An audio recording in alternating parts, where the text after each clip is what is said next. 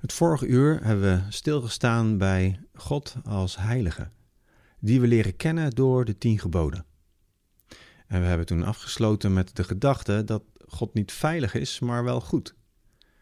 Uh, heilig heeft iets groots, iets angstwekkends, iets goeds in zich, iets heel spannends. En die spanning tref je ook aan bij de Heer Jezus. In Lucas 1, vers 35 staat er over de Heer Jezus: Het kind zal heilig en zoon van God genoemd worden. Veel later, bij de visvangst, zegt Petrus tegen de Heer Jezus: Ga weg van mij, want ik ben een zondig mens. En Jezus dus blijkbaar heilig. Met Jezus omgaan lijkt veel op het omgaan met God. Hij is een andere categorie. Hij roept angst en ontzetting op en ongeloof, maar ook aanbidding en enthousiasme en liefde. En tegelijk komt die heilige dus in Jezus heel dichtbij.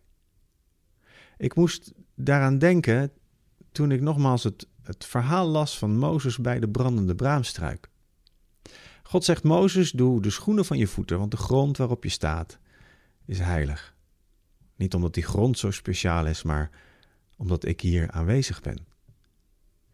En ik moet denken aan een verhaal van Jezus waarin voeten ook een belangrijke rol spelen.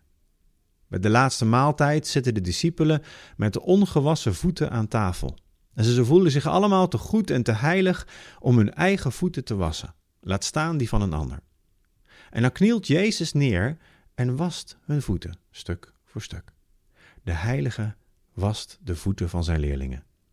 En misschien leg ik er te veel in of zie ik er te veel in, maar de heiligheid van God komt in Jezus ook op dit moment zo sterk naar voren.